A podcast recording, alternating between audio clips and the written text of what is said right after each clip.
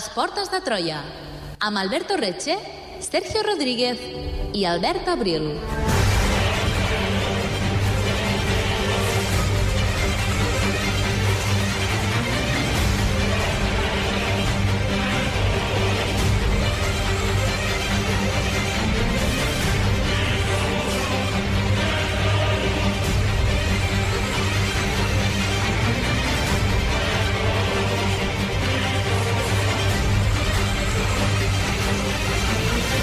Cicle revolucionari alemany que va esclatar al novembre de 1918 es caracteritza per ser l'intent d'establir un poder des de les classes populars en un estat amb un capitalisme plenament funcional en el marc caòtic del final de la Gran Guerra.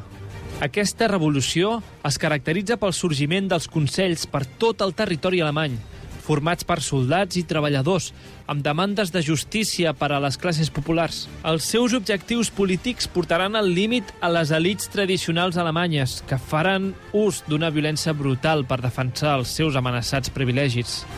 Quin paper va jugar la socialdemocràcia en aquest context? Què són els Freikorps? Quin rol hi van jugar personatges com Friedrich Ebert, Gustav Noske, Gossagnan o Rosa Luxemburg? Benvinguts al motí de Kiel, Benvinguts a les portes de Troia.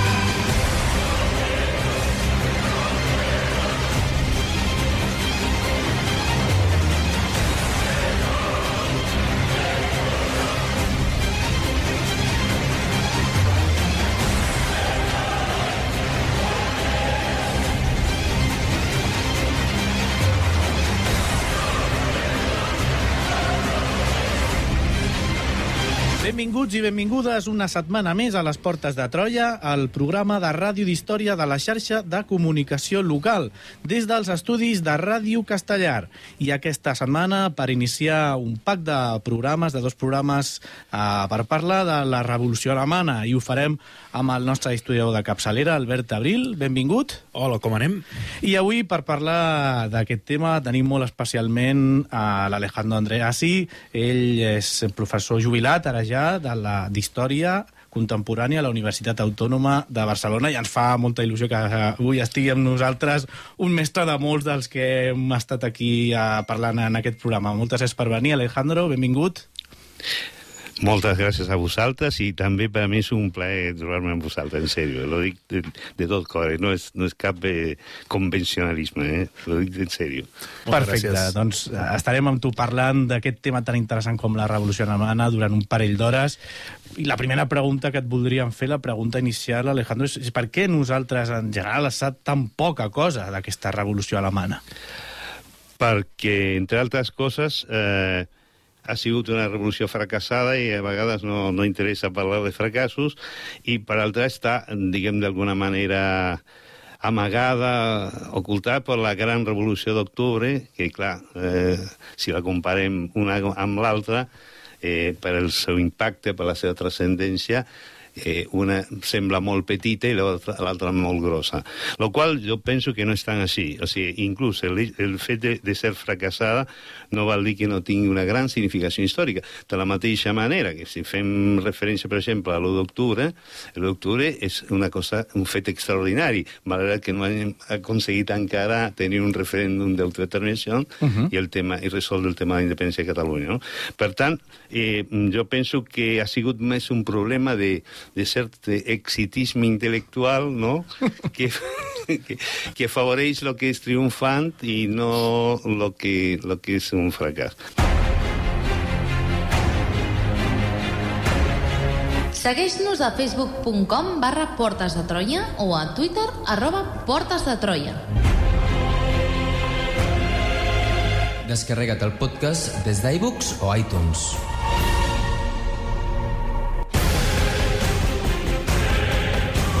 I descobreix tots els continguts del programa a la nostra pàgina web www.portesdetroia.cat.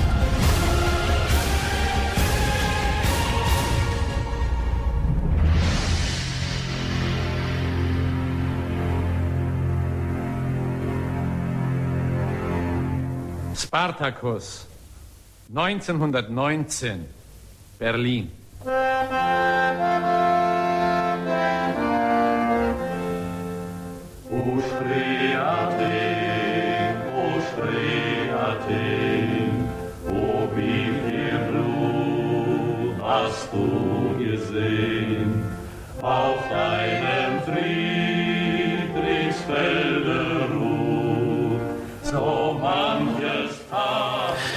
Alejandro, que aquesta cançó que estem escoltant i que ens han recomanat, eh, que avui posem aquí al programa, què, què, és, què és això? Què estem sentint?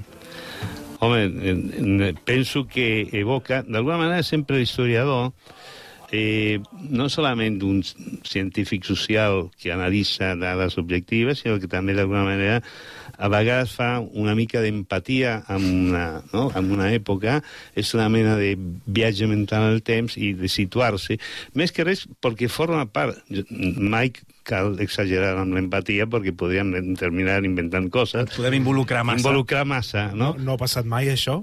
Mai, mai ha passat això? però, però sí, és cert que, que evidentment, eh, eh, forma part aquesta empatia de l'anàlisi històric. Per tant, aquesta, aquesta cançó, que avui dia segurament molta gent que ni coneix, eh, tenia un significat per a la gent d'aquella època eh, extraordinàriament eh, gros i forma part, diguem, de tota la simbologia, de tot l'univers mental que forma part del procés revolucionari que es va donar en aquella època. Molt bé, perquè aquesta revolució que ens eh, introduïa l'Alejandro, que s'allarga fins al... comença el novembre de 1918 i s'allargarà fins a l'any 1923, eh, eh, evidentment està en un context on a Alemanya, després de quatre anys de guerra, un desgast brutal, es troba en una situació molt complicada. Alejandro, eh, si ens podries fer cinc cèntims de quina és aquesta situació d'Alemanya durant aquesta Sí, tardor de l'any 1918 amb aquesta ja guerra que ja porta quatre anys ben bons. Sí, sí, clar que sí. A veure, la situació d'Alemanya al- a l'any 18, al, novembre del 18, el moment que eh, va esclatar la revolució, voldria fer un petit incís, més d'ordre conceptual. Uh, jo penso que tenim que considerar i analitzar els processos revolucionaris no solament en el moment de l'esclat. El moment de l'esclat és el moment eh, més visual, no? però eh, el, un procés revolucionari mai és solament un esclat. És, és un procés de llarga data, el qual de manera, eh, de manera lenta però sostinguda es va produint, eh, diguem, un, un, com un canvi molecular, com deia el Gramsci, en els que van buidant les estructures i conceptes que asseguraven l'hegemonia de la classe dominant, bajo, en aquest cas bajo el, sota el cas de Reich, per ir substituir progressivament per altres valors Uh -huh.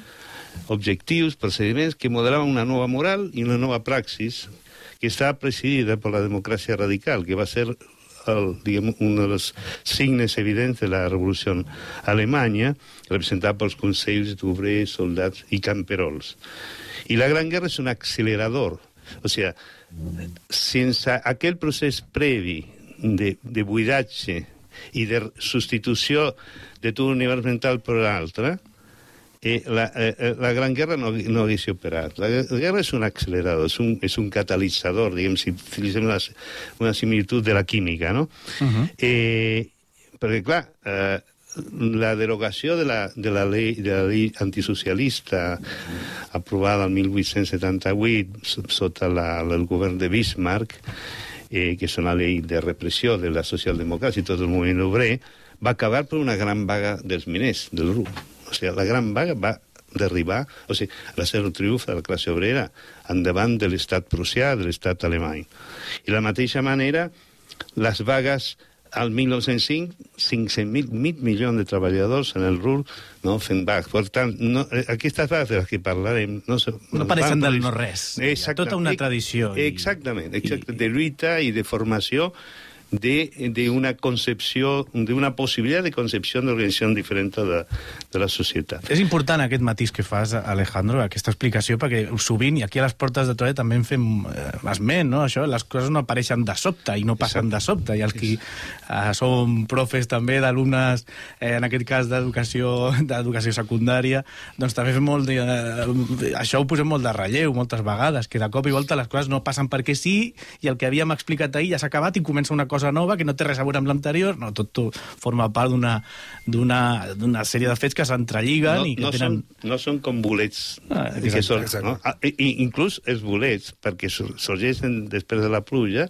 és que té que haver Alguna- una llavor, una llavor prèvia, no? El, el miceli. A, a mi, una, ahir, si me permeteu un segon, una, una metàfora que me, sempre m'ha agradat moltíssim, una que deia el, el, el Hobsbawm, l'Eric Hobsbawm, deia que els processos revolucionaris i els moviments no, socials, el conflicte social, ell deia que funcionen com un motor dièsel, no com un motor explosió. El motor explosió és la, la, la guspira no, que fa esclatar la, el, el combustible i produeix el moviment del pistó. En canvi, el motor dièsel es produeix un, un lent i progressiu augment de pressió i és aquesta pressió la que fa l'esclat, no? Uh -huh. Bueno, la que fa el moviment, a ni l'esclat, el moviment, no? Entonces, a mi sem- sempre m'ha semblat una, una metàfora molt, molt interessant aquesta de, del Hobbes. Bueno, Perdoneu aquesta discreció no, i, no. i entrem a la situació d'Alemanya al, al, al novembre del 18. La situació és catastròfica. Catastròfica perquè eh, la guerra ha, ha, ha produït ha produït en totes les nacions bel·ligerants, però especialment en Alemanya, per el bloqueig que la flota britànica somet, someteix a Alemanya, a un patiment brutal de la població, especialment a nivell eh, alimentari. No és aquello de que feien eh, el pan amb serrí i coses per l'estil, i no és, no és mentira tot això, no? Eh, eh, i, Després, el, la quantitat de baixes no? que implica, o sigui, quan, quan tornen els cadàvers no? o, o, els, o els mutilats. Eh, després es, es veuen aquestes fotos de la República Weimar dels mutilats no? sin una cama, demanant mm -hmm. de... Caritat. Exacte, de caritat en el carrer i tot això. O sigui, és una situació molt traumàtica, molt, molt, molt crispada, i molt crispada que ja la crispació s'ha estat anys abans, si voleu la, comentem eh, eh, eh, ràpidament. Però eh, bàsicament és una situació de gran deteriorament social. Eh? Eh, és un, és un, és, com vosaltres perfectament sabeu, és, és, un, és un règim, además, autoritari, una, és una, una monarquia constitucional, no parlamentària. Eh, què diferència hi entre la monarquia parlamentària i la constitucional? Bueno, jo prefereixo una república, però... No? però, evidentment, eh, en la monarquia parlamentària, almenys, el govern, el cap de govern, és anomenat pel Parlament. En aquest cas, el, el, el, el cap de govern, el canciller, era anomenat per el Kaiser, per l'emperador. Al, al mateix temps, l'emperador podia dissoldre les, les, les càmeres, quan, bueno, el Reichstag quan volia. El Reichstag tenia sí, una capacitat legislativa, però molt limitada. No podia, per exemple, legislar, legislar sobre el pressupost de l'exèrcit. Això era potestat exclusiva del canciller i, per tant, de l'emperador i del, del, de l'alt comand del, uh -huh de l'exèrcit, no? A, a més a més, la, la, la potestat legislativa era compartida entre el Reichstag, que el, el, era el, el, el Parlament amb sus, els seus diputats elegit per, per sufragi universal masculí, uh -huh. no? I con el, amb el Bundesrat. El Bundesrat era el, el Consell Federal, en el qual estaven representants de les, dels, dels diferent, de les diferents uh, regnes o estats que formaven part de l'imperi alemany, perquè l'imperi alemany en realitat era un, un imperi de, de, una federació de mm, molts estats. No? El més gran de tot, el més gros, el més potent, el més important, no solament des del punt de vista militar, sinó des del punt de vista industrial, era el regne de Prússia, no? que anava des de la Prússia oriental a l'est fins a la Renània, al o sea, la zona del Ruhr formava part del, del regne de Prússia. Eh? O sea, Prússia era enorme, ¿no? El segon, en, menor de, la- de extensió, en importància de població, la Baviera, ¿no? Després tenia Sajonia, Turingia, etc, etc, però, i després havia alguns estats molt petitons, com per exemple Brunswick, o, eh? sea, que era un, un ver- veritable mosaic. Aquí no tenim per, mostrar diapositives, però si estiguéssim fent una cosa per internet o en, una, en una mostrar no, el mosaic. Per tant, i, i a, malgrat això, inclús el, el, el, el sistema eh, representatiu era molt deficient, perquè a part de les limitacions que tenia el Reichstag, que sí era eh, eh, eh, electes els diputats per el vot universal masculí, en Prússia el sistema electoral era el que se deia el, de, de, de dry stende, o sea, el sistema de los tres estamentos, estamentos o clases, en el cual uh, se, cada, cada clase o estament determinat por la renta, por el uh -huh. nivell de renta, triava el terç del Parlament prussià. Vol dir que les classes pudents estaven sobrerepresentades i les classes eh, baixes o de menors recursos estaven infrarrepresentades, i això va ser una de les reivindicacions democràtiques que va a eh, acompanyar el moviment eh, eh, eh, vaguístic i el moviment de protesta que es va produir ja abans de la guerra i durant la guerra. Eh?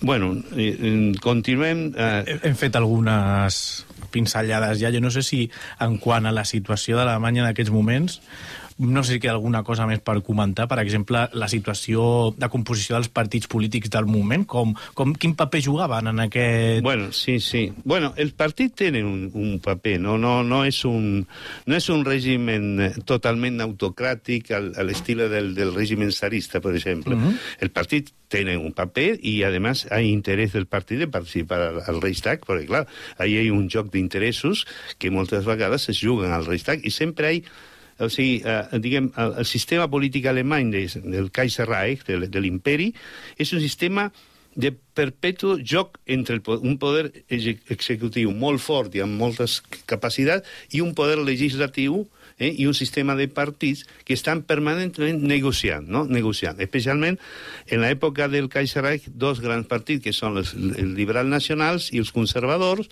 després hi ha un grup de petits partits, i luego el, Centrum, que és el partit eh, eh, catòlic. catòlic, és molt important, és molt important per la quantitat de suport que té, especialment a la zona de Baviera, i, uh, i després l'SPD. Però l'SPD, en el marc del, del, del Kaiserreich, és, un, és com una com la Cenicienta, diguem, és un...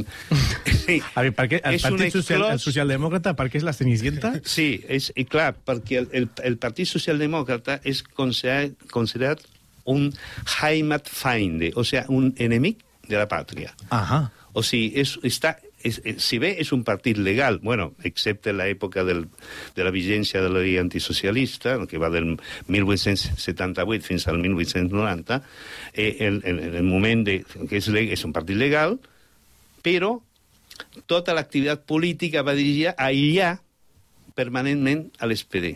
A tal punt que l'SPD al 1912, o sigui, en vísperes de la guerra, bueno, mm. esclata el 14, però me refereixo a les últimes eleccions que n'hi ha, que són el 12, és el, partit, la, la primer, el primer grup parlamentari, és el grup parlamentari principal, i malgrat això, Eh, el, el, enemic de la pàtria. Eh, sí, sí, enemic de la pàtria. Heimatfeinde era el terme en alemany que utilitzava per a definir-lo. Mm. Molt interessant, perquè justament ja avancem als nostres oients que després de, dels fets que coneixerem avui serà l'Espidi i els seus dirigents els que estan al capdavant d'aquella de, bueno, del que neixi uh, després d'aquestes turbulències que amb l'Alejandro avui, avui coneixerem, que és una època, justament la paraula, de turbulències per a Europa.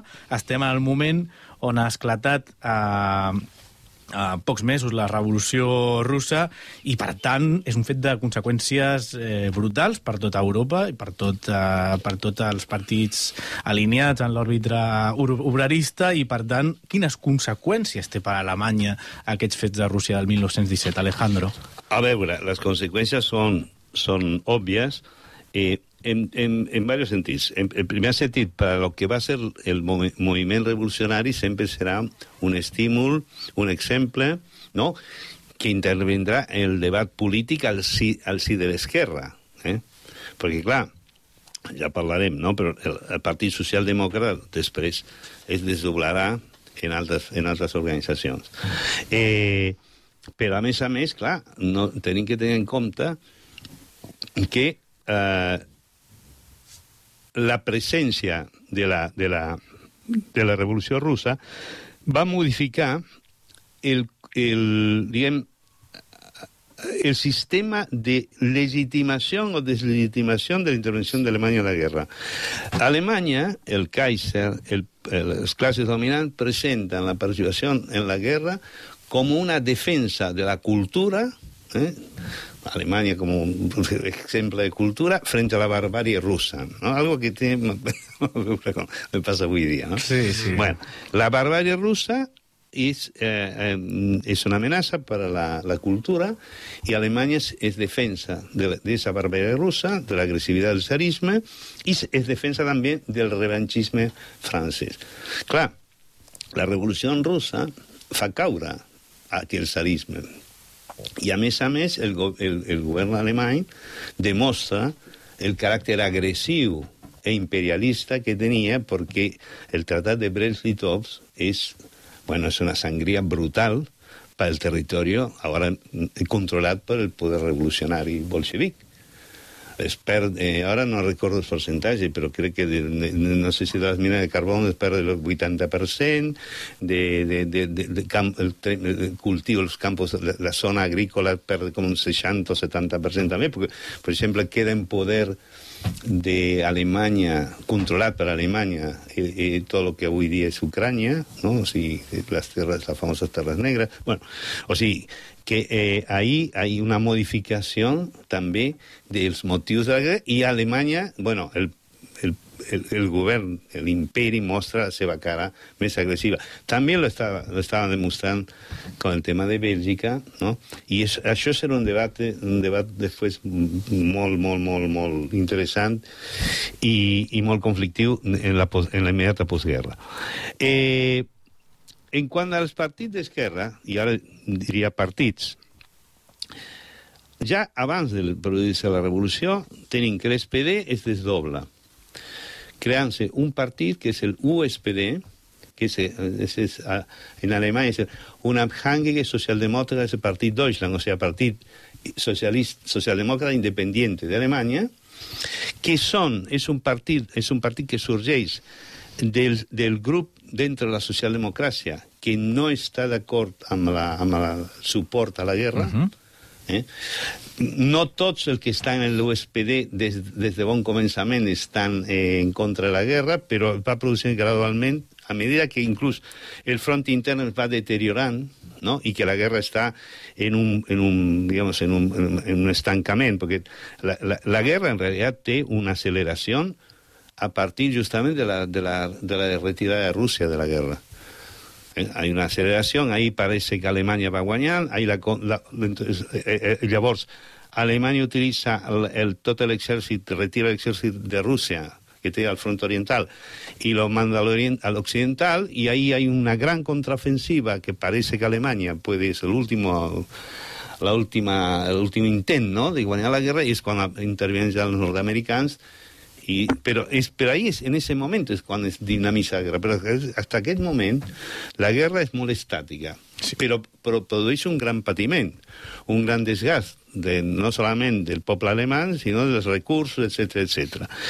I, per tant, eh, eh, diguem, a medida que eh, va transcurrint la guerra, los sectores que al principi estaven d'acord amb la participació van eh, començar a estar, dentro del Partit Socialdemòcrata, comencen a estar també en contra de la guerra. Aquesta gent, més els que des de bon començament estan en contra de la guerra, van a formar part de l'USPD. I dentro de l'USPD va haver un grup que és el grup més crític amb, amb la guerra, que además van patir presó alguns d'ells per la lluita, per la paz i contra la guerra, que va ser el grup Spartacus, la Liga Espartaquista, amb la Rosa Luxemburg, Karl Liebknecht, Franz Mehring, Krasetkin, Paul Levy, eh, Paul Frolich, etc etc que és tota la gent que després, al final de, de, de desembre, a partir del 30, entre el 31 de desembre i el 2 de, de gener, del, el 31 de desembre del 1918 i el 2 de gener del 1919, van a fundar el KPD, que és el Partit Comunista Alemany, el Partit Comunista d'Alemanya. Eh? Sí. Ah, Ja, ja arribarem ja a aquests fets, Per això, eh, per això. perquè encara ens falten alguns elements per parlar. No sé si volies afegir alguna cosa més, Alejandro, referent a... Ah, bueno, no, que, que eh, de qualsevol manera, ja abans de la guerra, eh, n'hi ha, diguem, una ala esquerra dentro de l'SPD que va ser el, la que després conformarà el, o nutri, nutrirà l'SPD, pero además no es el único grupo. Hay un grupo muy interesante al norte de Alemania, que tiene el- la sede principal a Bremen y también a Hamburg, que son los, eh, es la, la izquierda eh, internacionalista de Bremen. ¿eh? Son comunistas, ellos se denominan comunistas internacionalistas. Fíjate que es- te diré el nombre exacta. Sí. Comunistes internacionalistes d'Alemanya, és a dir, Internacionale Comunista en Deutschland. Aquests, i per això és interessant destacar, aquests tenen inclús un perfil ideològic que és mm, de alguna manera diferent del perfil ideològic que tindran els partaquistes o, el, o los membres del SPD, perquè aquests estan molt influïts per la Carta d'Amiens, o sea, por el sindicalisme revolucionari francès i por el sindicalisme revolucionari nord-americà, los IWW, Industrial Workers of the World. Per què? Perquè molts d'ells havien sigut emigrants als Estats Units i al tornar tornen amb tota la praxis i la, i la ideologia de la IWW. I això, eh, aquesta gent va formar part del primer KPD eh, i van intentar introduir, eh, diguem, tota la, la teoria. A les portes de Troia. La història a la ràdio. Descobreix tots els continguts del programa a www.portesdetroia.cat.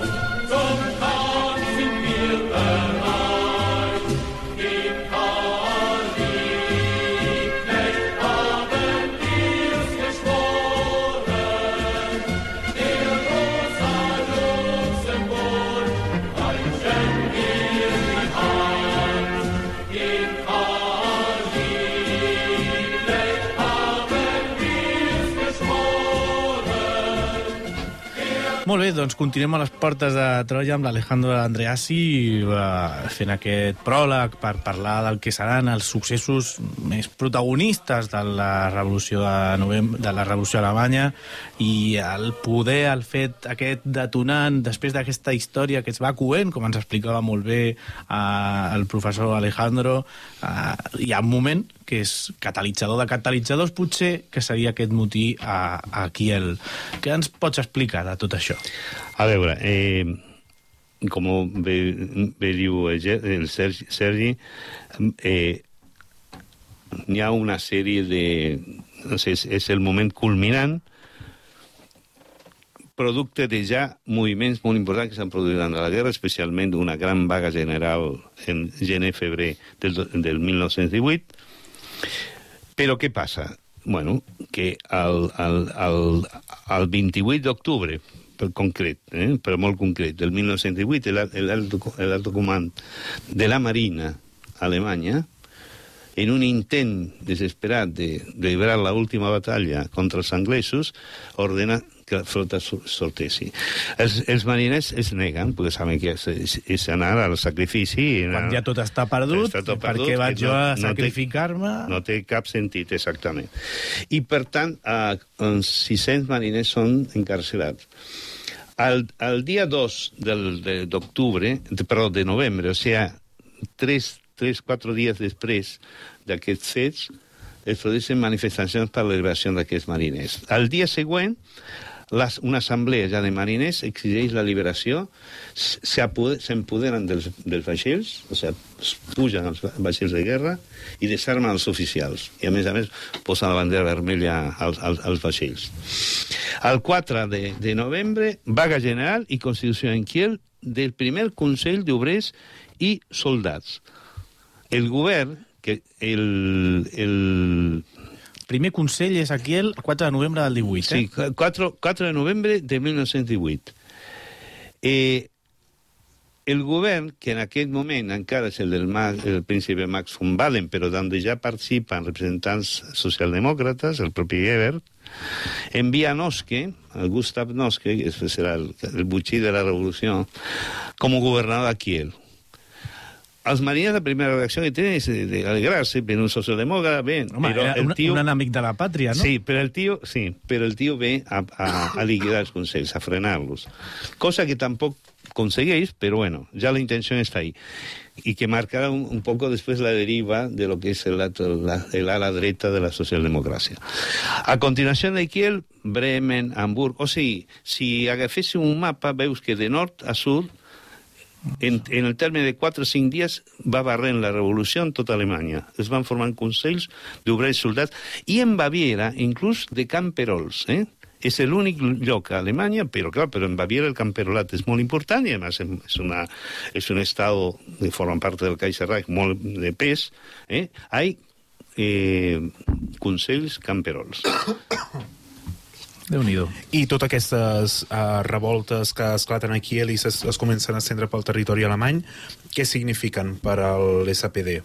Para el SPD significa més un, un, eh, un, un incordi, Un merder, un, un sí, total. un obstacle, un problema, perquè si anem a, a les intencions de l'SPD, especialment en, en, el, en, el, en, en els seus dirigents principals, Ebert, Scheidemann, etc., Noske, la idea, el propio Ebert, el propio Ebert, para él, para él la idea era eh, crear una monarquía, transformar a Alemania en monarquía parlamentaria, pasar de, la, de una monarquía constitucional como era, una, una semi-autocràcia, a una monarquía parlamentaria. Esa era la única aspiración. Fer un model com a d'altres països a Europa. Como Inglaterra, como la Gran Bretaña, no como Francia. O sea, en lloc de copiar a França, copiava a Gran Bretanya. El model per ell era això.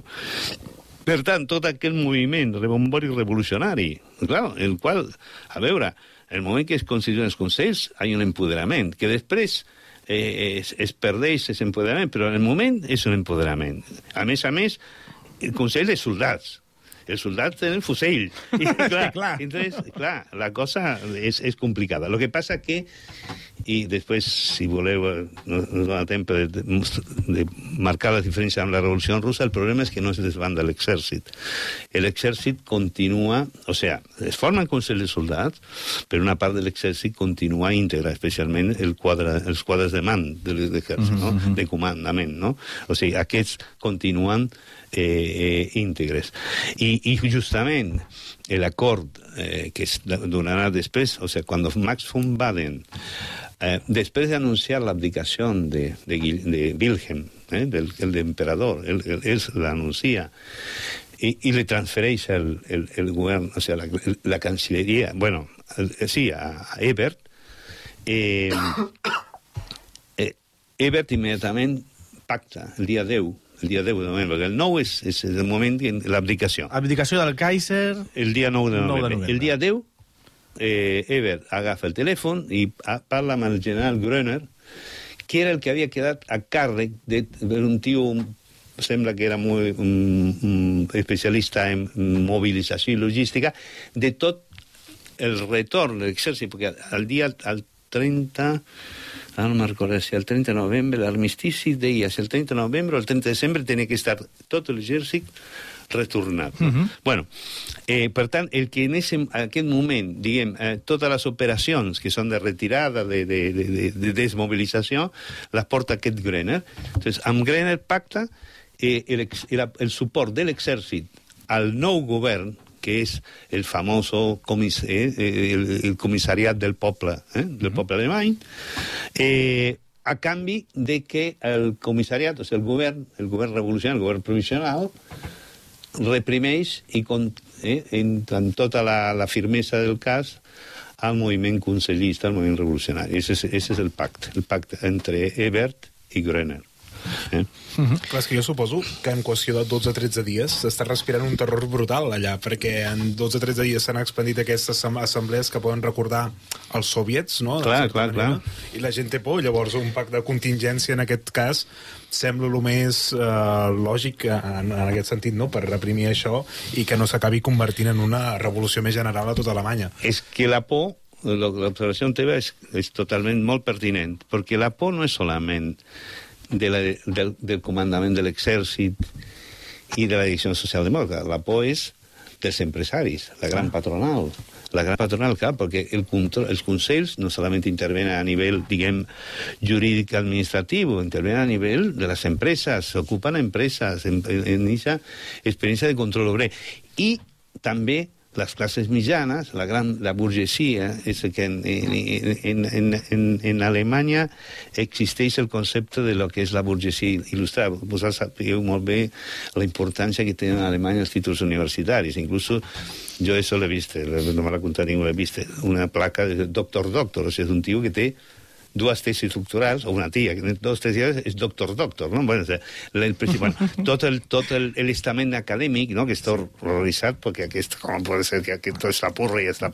Una possible pèrdua de privilegis que cal aturar de totes Brutal. totes. O sigui que són molts sectors que estan patint perquè el seu estatus eh, eh, caigui eh, i no es recuperi mai.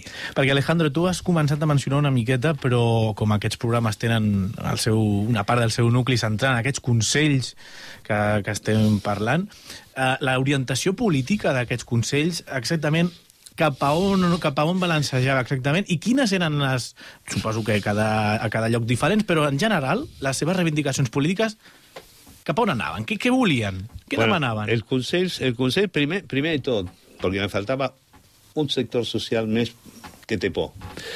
I, i, i no us sorpreneu. Són les direccions sindicals. De Freie Gewerkschaften són els sindicats lliures, que són els sindicats socialdemòcrates. Clar, és que aquí està. Estan molt preocupats. Home, clar, els hi poden treure... Clar, perquè el tema és que lo interessant del Consell és que no és, no és un projecte teòric, és un projecte que sorgeix de la lluita. Els consellistes van construint un poder des de sota. És una democràcia de base. Clar, és una democràcia que en, en, en primer moment qüestiona el propi poder de la llicència sindical. El, els sindicats alemanys s'havien burocratitzat massa.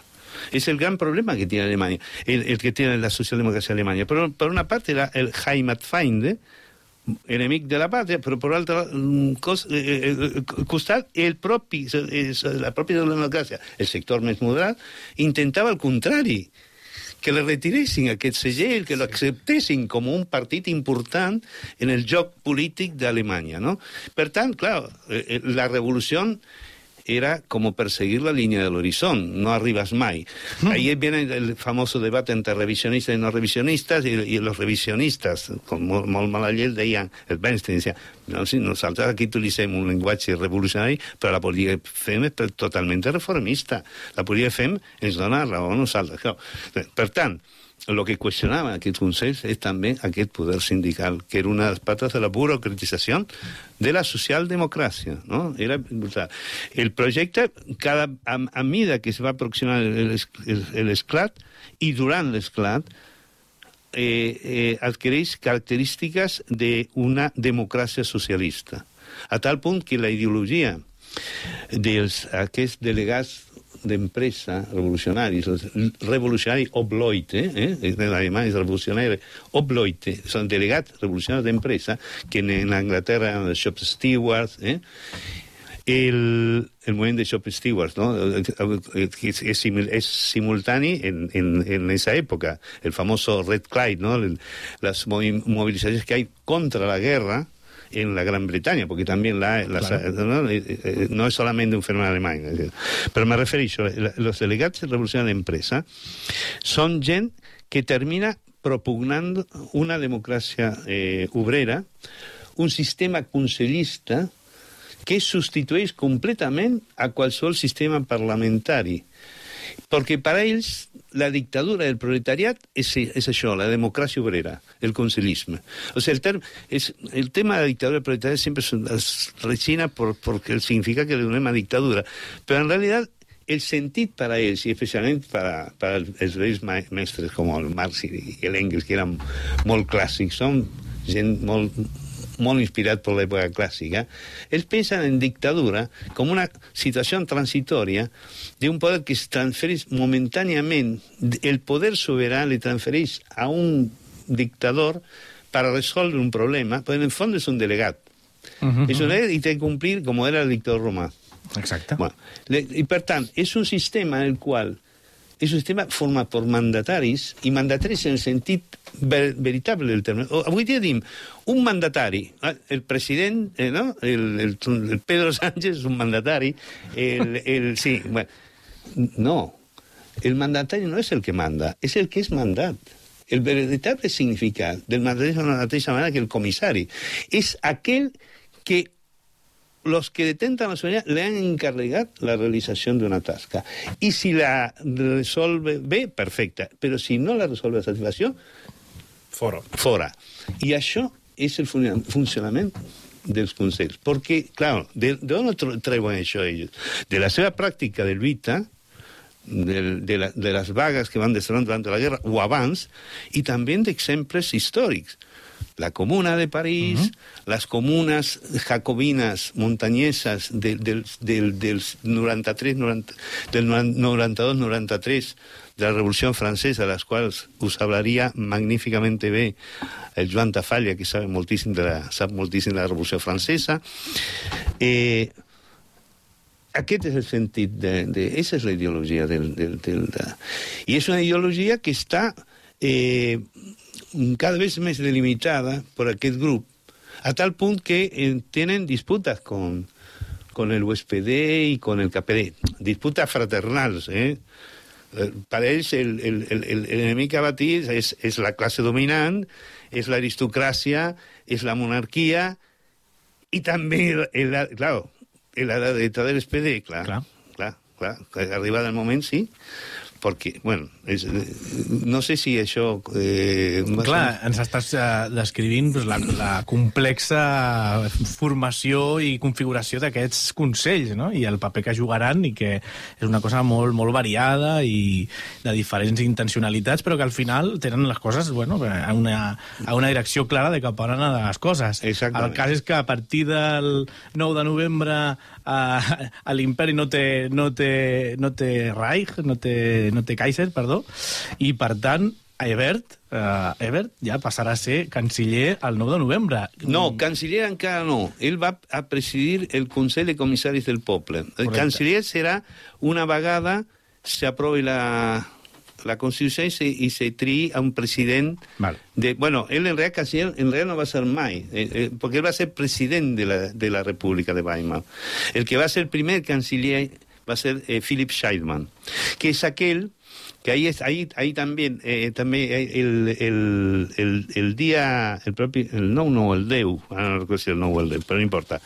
Eh, resulta claro que el, el, el Consell de Comissaris del Poble i la direcció del Partit Socialdemòcrata se, se, se adonen de que Karl Liebknecht, en representació dels espartaquistes, va, pro, va proclamar la República Socialista. Què va passar? Perquè van haver... O sigui, com si fos això...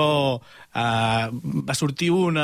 a declarar un tipus de república, un altre un tipus de república. Exactament. Això a Berlín, en qüestió d'hores De la i tar- de diferència. Què va passar? de, de, la, de la tarta d'aniversari, com diuen al, al Palau Imperial de Berlín, perquè com una tarta d'aniversari, des del balcó principal, Karl Liebknecht, líder de la, de la, de, de, de, de, de la Liga Espartaquista, proclama la República Socialista d'Alemanya. I al mateix temps, per guanyar-li demà, Scheidemann, Scheidemann, des, de la, des del balcó de la Canciller de la, del, de, de la, del Palau de Relacions Exteriors, proclama la República Alemanya. què està passant? Això, això, això. Clar, porque el problema es que temen, claro, que eh, eh, si no el proclaman la República, els partaquistes i el Consell, si tot i quanti, les guanyaran demà. Co a veure, amb, amb el... Eh, amb, amb, eh, eh, mm, amb el conflicte o el debat amb Ebert. A Ebert no li fa cap gràcia el que ha passat. Ebert continuava pensant en que lo millor era una monarquia parlamentària i té que acceptar, malgrat, malgrat tot, té que acceptar aquesta sortida, perquè no, no ens queda més remei. És a dir, per això, eh? Alejandro, i pa, per estabilitzar tot aquest panorama, Sí. uh, Què, què fan? d'aquí tiraran mà. Bueno, el tema, el tema següent. a, a partir del, del 9 de, del, del 9-10 de, de novembre comencen a mover-se coses.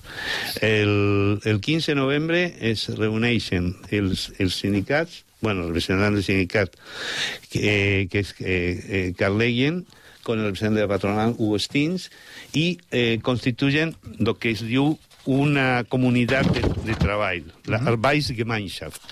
Aquesta comunitat de treball eh, implica eh, una sèrie d'acords i un seguiment d'aquests acords, que són, bàsicament, una part de les reivindicacions que ja s'havien manifestat, no solament durant la guerra, sinó molt abans. Se- S'instaura la jornada laboral de 8 hores, se, mm, se legalitza la, la presència dels sindicats a les empreses,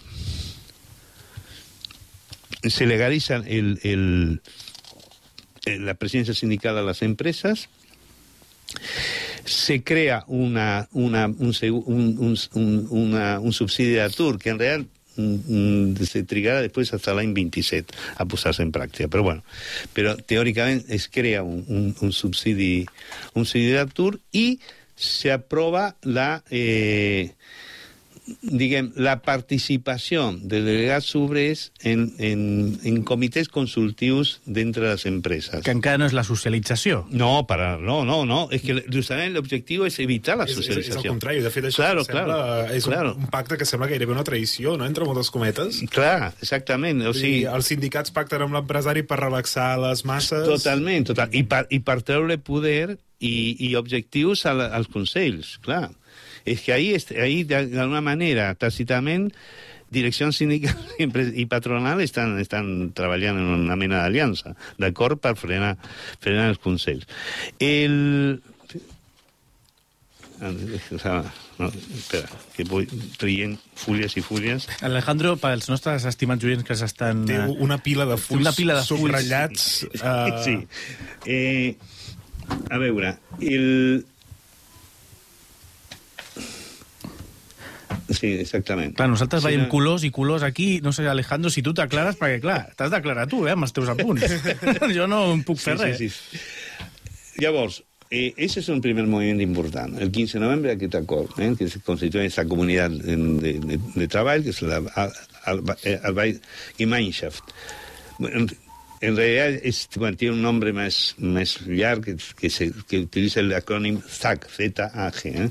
Central Arbeitsgemeinschaft der Industriellen und Gewerblichen Arbeitgeber und Arbeitnehmer Deutschland. Toma Sort, ja. sort que l'ha simplificat. doncs. Arbeitgeber és curiós. Sort Eso que es algú un sap tema- alemany aquí.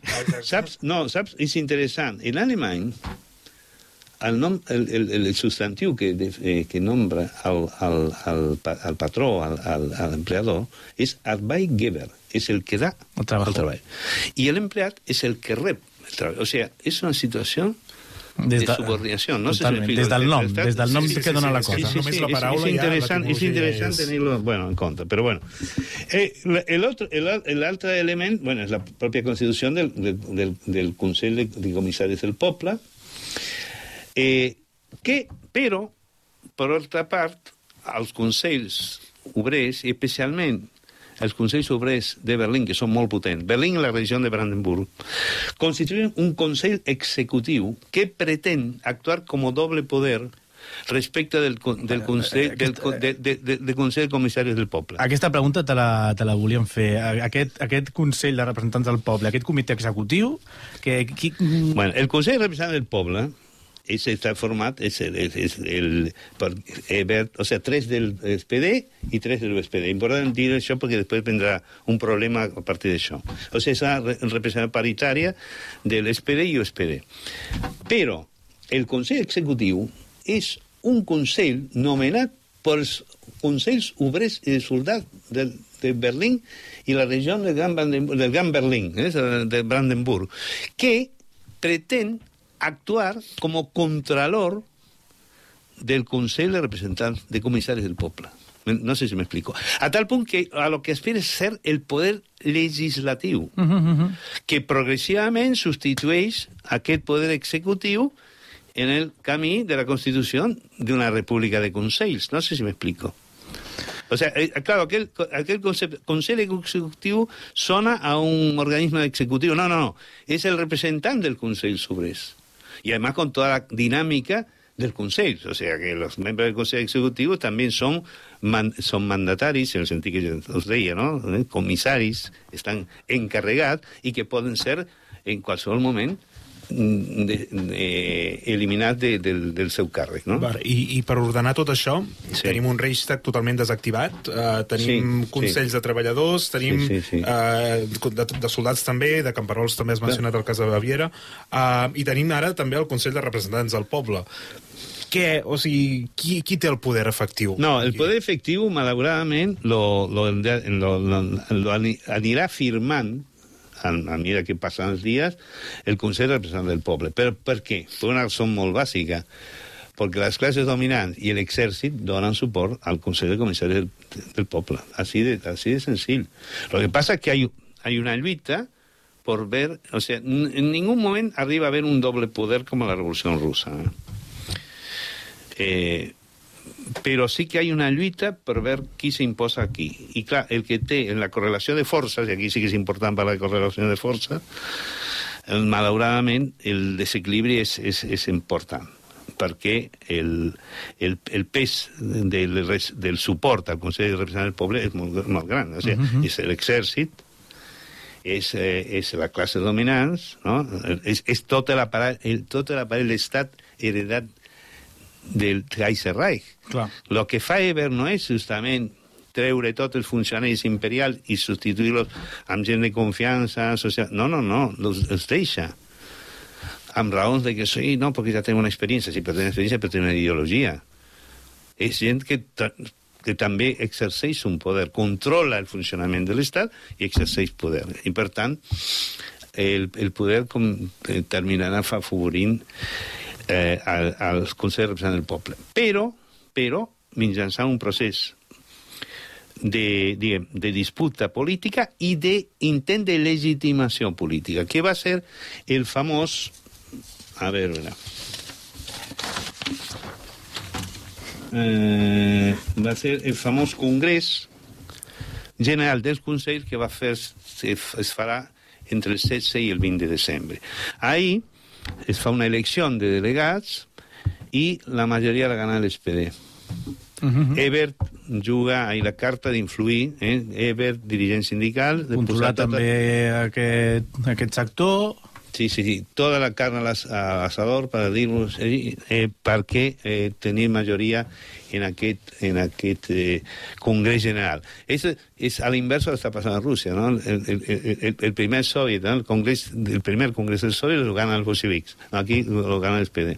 Uh -huh. O sigui, el, el USPD y, el- y la Liga y los espartaquistas quedan en minoria frente al, al SPD.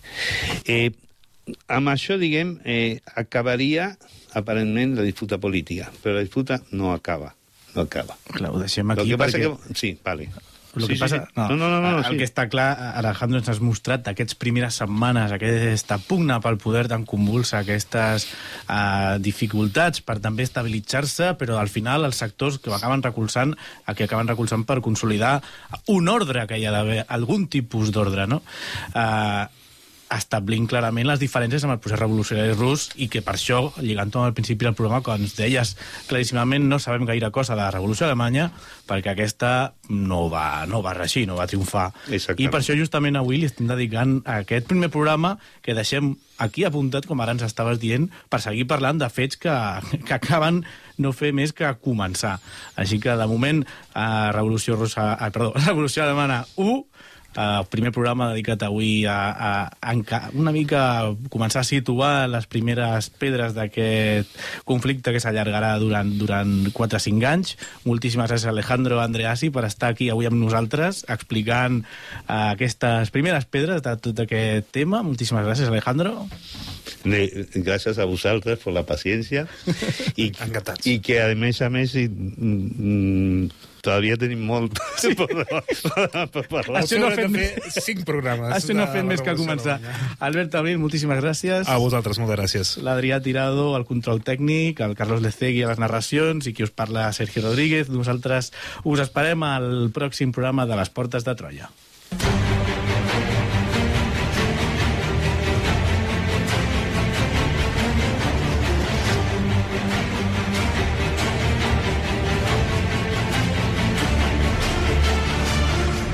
A les portes de Troia, amb Alberto Reche, Sergio Rodríguez i Albert Abril.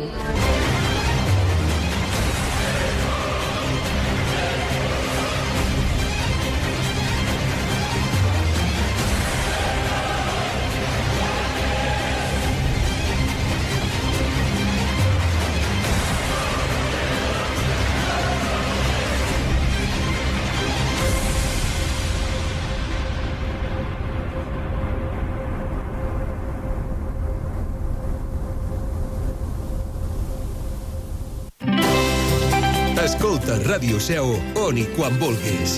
Entra a l'apartat de ràdio a la carta de la nostra pàgina web i tria allò que més t'interessa de la nostra programació. Els informatius, les entrevistes, els programes musicals, culturals i esportius, la programació especial... On i quan vulguis, Ràdio Seu, a la carta, des de la nostra pàgina web radioseu.cat.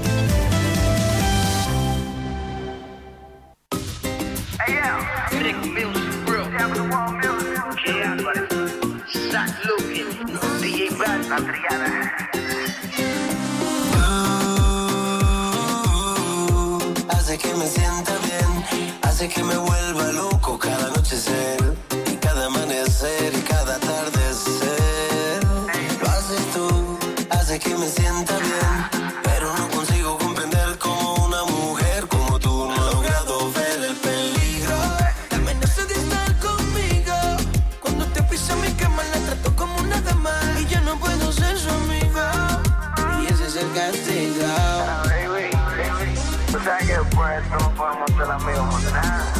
Lo tenemos que aprovechar el momento. Tú te has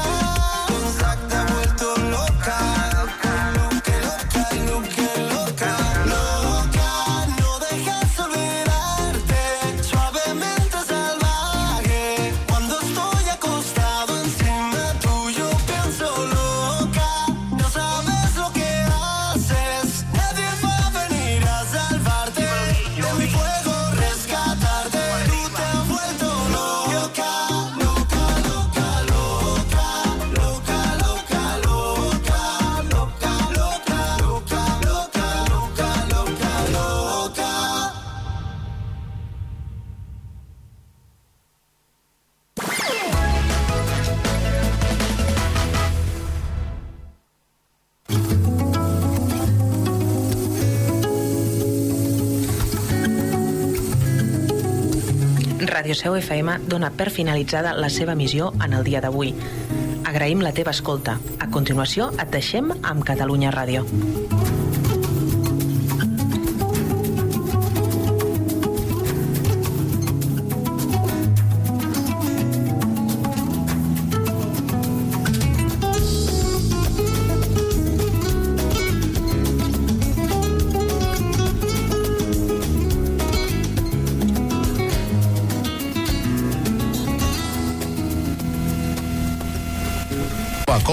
Bon sorteig pels catalans, eh? En mi carrera no he visto un periodista que es solo positivo.